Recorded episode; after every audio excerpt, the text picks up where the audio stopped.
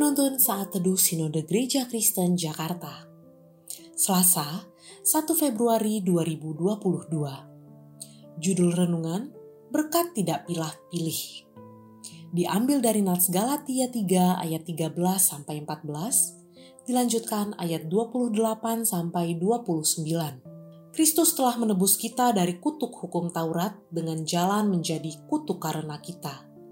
Sebab ada tertulis, terkutuklah orang yang digantung pada kayu salib.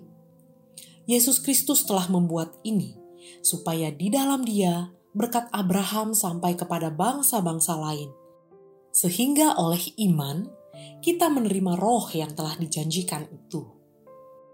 Dalam hal ini, tidak ada orang Yahudi atau orang Yunani, tidak ada hamba atau orang merdeka, tidak ada laki-laki atau perempuan, karena kamu semua adalah satu di dalam Kristus Yesus. Dan jikalau kamu adalah milik Kristus, maka kamu juga adalah keturunan Abraham dan berhak menerima janji Allah. Hari raya yang diadakan di Indonesia sangat menarik, sebab kita berada di negara yang sangat majemuk dan sangat beragam hari raya kelompok tertentu dapat menjadi perayaan bagi berbagai kelompok lain yang berbeda ras atau keturunan. Seperti perayaan Imlek ini. Dalam berbagai kesempatan, saya melihat bahwa pihak yang ikut merayakan Imlek bukan hanya orang Tionghoa saja, tetapi juga datang dari suku dan ras yang bukan Tionghoa. Dalam kebersamaan Imlek dengan saudara, kerabat, rohaniwan, dan pekerja lain dalam keluarga saya, kebersamaan itu sebagian juga dihadiri oleh kerabat atau teman dari yang bukan Tionghoa. Kita semua bersuka cita bersama dalam perayaan. Ini adalah sebuah nuansa yang baik dalam membangun nilai-nilai keberagaman. Dan harusnya cara pandang tidak pilah-pilih dalam berelasi dan menikmati perayaan terus dikembangkan apalagi sebagai orang Kristen.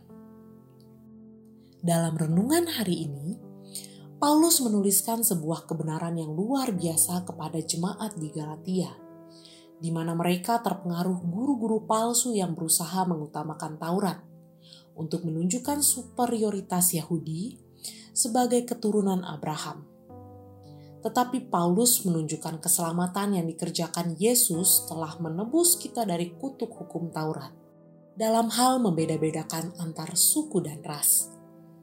Dan melalui penyelamatan Yesus, berkat Abraham sampai kepada bangsa-bangsa lain. Melalui rohnya, semua bangsa dapat menerima perjanjian Allah yang dijanjikan kepada Abraham.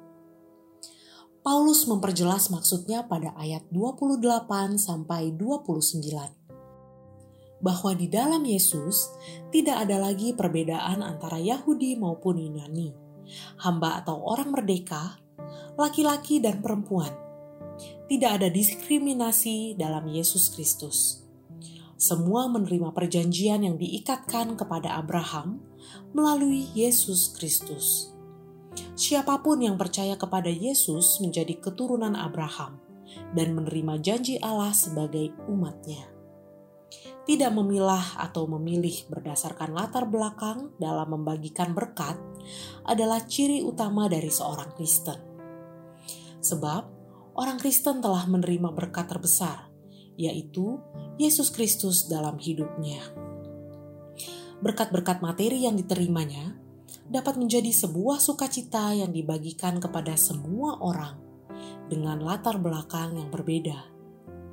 Dan di dalam hari raya Imlek ini juga kesempatan bertemu dengan berbagai latar belakang, baik ras, suku, sosial, ekonomi, pendidikan. Seharusnya berkat yang sudah kita terima disalurkan kepada semua jenis orang tanpa pilah-pilih dan yang paling utama adalah berkat terbesar, yaitu keselamatan dalam Yesus Kristus. Diberitakan kepada mereka yang belum percaya kepadanya, agar mereka juga dapat terhitung sebagai keturunan Abraham. Tidak pilah-pilih dalam menyalurkan berkat adalah ciri utama dari seseorang yang sudah menerima berkat Abraham. Terpujilah nama Tuhan.